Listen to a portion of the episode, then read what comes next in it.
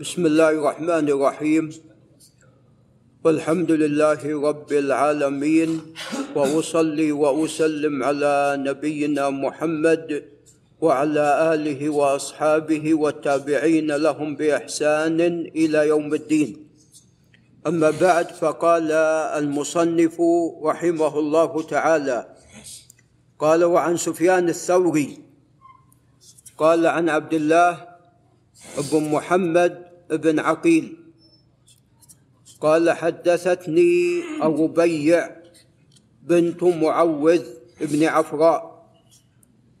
والربيع من الصحابيات الجليلات رضي الله تعالى عنهن. وأبوها معوذ بن عفراء أيضا من الصحابة. وقد استشهد إما في بدر أو في أحد. فذكر حديث وضوء النبي صلى الله عليه وسلم وفيه ومسح رأسه بما بقي من وضوئه في يديه مرتين بدأ بمؤخره ثم رده إلى ناصيته وغسل رجليه ثلاثا ثلاثا. قال رواه أحمد وأبو داود مختصرا ولفظه أن رسول الله صلى الله عليه وسلم مسح رأسه من فضل ماء كان بيده. هذا الحديث لا يصح. طبعا وفيه أن الرسول صلى الله عليه وسلم مسح رأسه بما بقي من وضوئه في يديه مرتين. يعني عندما غسل يديه لا شك أنه بقي ماء من فضل غسله ليديه فقال مسح بهذه الفضلة رأسه. وقال رأسه. وبدأ بمؤخره ثم رده إلى ناصيته. فهذا الحديث لا يصح وذلك لأمرين. الأمر الأول أن في إسناده عبد الله بن محمد بن عقيل وهو لا يحتج به. الأمر الثاني أنه بدأ بمؤخر رأسه والصواب الذي جاء في الأحاديث الصحيحة بدأ بمقدم رأسه وليس بمؤخره. فهذا الحديث لا يصح. ولذا جاء في الحديث الذي رواه مسلم أن الرسول صلى الله عليه وسلم أخذ ماء جديدا لرأسه. أخذ ماء جديدا لرأسه وليس بما تبقى من الماء في يديه. ولذا قال الترمذي قال عبد الله بن محمد بن عقيل وهو ابن أبي طالب قال صدوق ولكن تكلم فيه بعضهم من قبل حفظه. فهو رحمه الله له أخطاء ومن جملة هذه الأخطاء هذا الحديث. وقال البخاري كان أحمد وإسحاق والحميدي يحتجون بحديثه. أحمد هو الإمام أحمد بن حنبل. وإسحاق هو بن إبراهيم الحنظلي المعروف بإسحاق بن راهوية وكان من كبار أهل العلم. وأما الحميدي فهو عبد الله بن الزبير وهو من شيوخ البخاري وكان أيضا من أهل العلم. قال كانوا يحتجون بحديثه يحتجون بحديثه إذا لم يخالف ما هو أصح منه لأنه له بعض الحديث الصحيح الذي حفظه سيء الحفظ ومن يخطئ ليس دائما في ذلك في حديثه وإنما أحيانا واحيانا. فهم يحتجون هؤلاء الثلاثه بحديثه ما لم يخالف.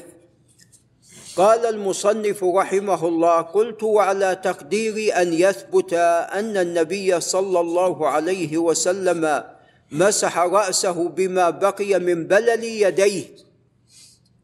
يقول على تقدير ثبوت هذا الحديث وهو ليس بثابت كما تقدم. وقوله على تقدير ثبوته لأنه مشكوك فيه. قال فليس يدل على طهورية الماء المستعمل لأن الماء كلما تنقل في محل التطهير من غير مفارقة. إلى غيرها فعمله وتطهيره باق.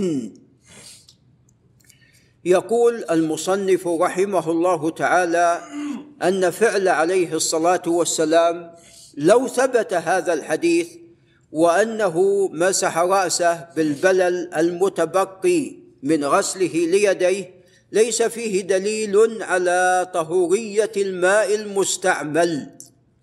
تقدم لنا أن بعض أهل العلم يقسمون الماء ثلاثة أقسام طهور وطاهر ونجس. يقولون الطاهر هو مسلوب الطهورية. هو ليس بنجس ولكن لا يطهر لا يرفع الحدث ولا يزيل النجاسة. نعم وهو الماء المستعمل. والصواب أن هذا الماء المستعمل هو طهور. وبالتالي يستعمل في رفع الحدث وفي إزالة النجاسة. الماء المستعمل الذي الذي استعملته بيديك أو مثلا انت توضات ووضعت إناء تحتك عندما توضأت وتجمع الماء المتساقط من أعضاء الوضوء في هذا الإناء. فهل تستعمله مرة ثانية في الطهارة؟ نعم. يجوز ذلك. نعم وذلك لأن هذا ماء وليس بنجس وبالتالي يرفع الحدث ويزيل النجاسة. نعم. يقول المصنف إن هذا على فرض ثبوتية على فرض ثبوت هذا الحديث فإن هذا الماء غير مستعمل. يقول لأنه لم يفارق أعضاء الوضوء. نعم. ولكن كما تقدم حتى ولو فارق أعضاء الوضوء فإن هذا الماء طاهر وبالتالي يستعمل في رفع الحدث وفي إزالة النجاسة.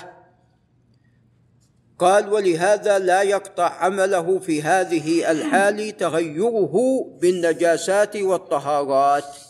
فهذا الماء يستعمل حتى ولو كان يستعمل في رفع الحدث حتى ولو كان مستعملا بما أنه ماء ولا زال طاهرا. قال باب الرد على من جعل ما يغترف منه المتوضئ بعد غسل وجهه مستعملا. هناك من يقول إذا أدخلت يديك في الإناء الذي فيه الماء والذي أنت تتوضأ منه. يقول عندما تغرف تغسل وجهك. وكنت قد أدخلت يديك في هذا الإناء أصبح هذا الماء مستعمل. والصواب أن هذا غير صحيح. الصواب أن هذا غير صحيح. فهذا ماء وباقي على خلقته التي خلقه الله عليها وبالتالي تستعمله ممكن في رفع الحدث وفي إزالة النجاسة. نعم المصنف يريد أن يرد على من يقول بذلك. قال وعن عبد الله بن زيد بن عاصم الأنصاري رضي الله عنه أنه قيل له توضأ لنا وضوء رسول الله صلى الله عليه وسلم. أرادوا أن يعرفون صفة وضوء رسول الله. عليه الصلاة والسلام.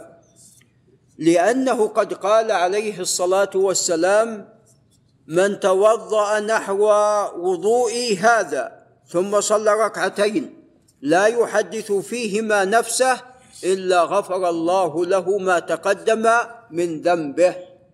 فاشترط ثلاثة أشياء أن الإنسان يتوضأ ويكون هذا الوضوء وفق السنة. والأمر الثالث أن يصلي ركعتين لا يحدث فيهما نفسه يعني يقبل بقلبه ووجهه على ربه عز وجل. فهذا يغفر له ما تقدم من ذنبه. نعم. فهؤلاء طلبوا من عبد الله بن زيد وهو من الصحابة أن يتوضأ كما توضأ الرسول عليه الصلاة والسلام. قال فدعا بإناء. إناء فيه ماء فأكفأ منه على يديه غسل أول ما ابتدأ غسل يديه غسل كفيه ثلاثا. قال فغسلهما ثلاثا. وغسل الكفين ثلاثا هنا سنة. وليس بواجب. إلا إذا كنت قد قمت من نوم الليل. فإن الرسول عليه الصلاة والسلام أمر قبل أن تدخل يديك في الإناء أن تغسل. يديك ثلاثا. قال لأنه لا تدري أين باتت يدك. قال بعض أهل العلم وهو بالعباس بن تيمية قال قد تكون الأرواح الخبيثة باتت عليها. الأرواح الخبيثة الشياطين. الشياطين. ولذا في الحديث الذي خرجه مسلم إن الشيطان يبيت على خيشوم الإنسان. ولذا جاء الأمر باستنشاق الماء ثلاثا. فليستنشق الماء بمنخريه ثلاثا فإن الشيطان يبيت على خيشومه. أو كما قال عليه الصلاة والسلام. فالأصل أن غسل الكفين في البداية سنة. إلا إذا كنت قد قمت من نوم الليل. قال فغسلهما ثلاثا ثم أدخل يده فاستخرجها. أدخل يده أين؟ في الماء. ثم استخرجها بعد أن غرف فمضمض واستنشق من كف واحدة. بهالغرفة تمضمض ويستنشق ثم غرفة ثانية تمضمض ويستنشق ثم ثالثة يتمضمض ويستنشق. ونحن الغالب الآن نفصل بين المضمضة والاستنشاق. وهذا مجزئ. نعم والوضوء صحيح ولكن السنة أفضل. وهو أن تجمع بينهما بغرفة واحدة. قال ففعل ذلك ثلاثا ثم أدخل يده فاستخرجها فغسل وجهه ثلاثا. ثم أدخل يده فاستخرجها فغسل يديه إلى المرفقين مرتين. وهذا فيه أنه لا بأس بأن تغسل بعض أعضاء الوضوء ثلاثا وبعضها مرتين. لأن غسل اليدين هنا إلى المرفقين مرتين وما تقدم ثلاثا. قال ثم أدخل يده فاستخرجها فمسح رأسه فأقبل بيديه وأدبر. بدأ في البداية إلى النهاية ثم رجع. نعم هذه هي السنة. وإذا مسحت رأسك كيفما كان؟ هنا قد أتيت بالواجب ولكن السنة هي الأفضل. قال ثم غسل رجليه إلى الكعبين بدأ باليمين ثم الشمال ثم قال هكذا كان وضوء رسول الله صلى الله عليه وسلم. الحديث متفق عليه ولفظه لأحمد ومسلم.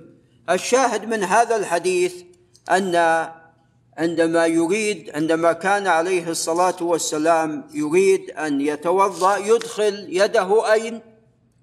في الإناء فلو كان الماء هنا يفسد في هذه الحالة ولا يجوز استعماله في الطهارة لما فعل ذلك عليه الصلاة والسلام فدل هذا على أن هذا الفعل أمر لا بأس به كما فعله نبينا عليه الصلاة والسلام.